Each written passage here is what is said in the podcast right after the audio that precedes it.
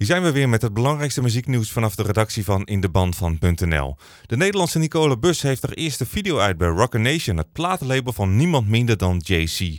Op single You combineert ze R&B met behoorlijk ruige vocalen. In hetzelfde genre is uh, nog een, een bijzonder plaatje uitgekomen. Het is afkomstig van de pas 15-jarige Isabella Brown. Band of Skulls brengt 12 april haar vijfde album Love is All You Love uit. Opgenomen met nieuwe drummer Julian Dorio van de Eagles of Black Metal en geproduceerd door Richard X, bekend van zijn werk met de Pet Boys, Goldfrapp en de Sugar Babes. Misschien dat daardoor is de single Cool Your Battles bij mij nog niet helemaal wil beklijven. Het is binnenkort misschien voorbij voor Plats Music, een organisatie waar veel artiesten gebruik van maken om donaties te verzamelen voor een nieuwe album.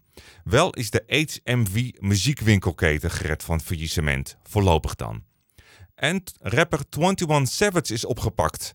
Hij blijkt oorspronkelijk geboren te zijn in Groot-Brittannië, maar woont al jaren in de VS, maar heeft helemaal geen verblijfsvergunning daarvoor.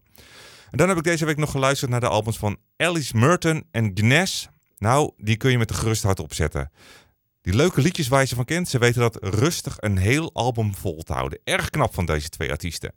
En dan nog even vooruitblikken naar een New Music Friday van deze week. Uh, onder andere albums van Ariana Grande en Lucky Fons de derde komen uit. En dat zijn gelijk ook de twee titels waar ik het meeste naar uitkijk.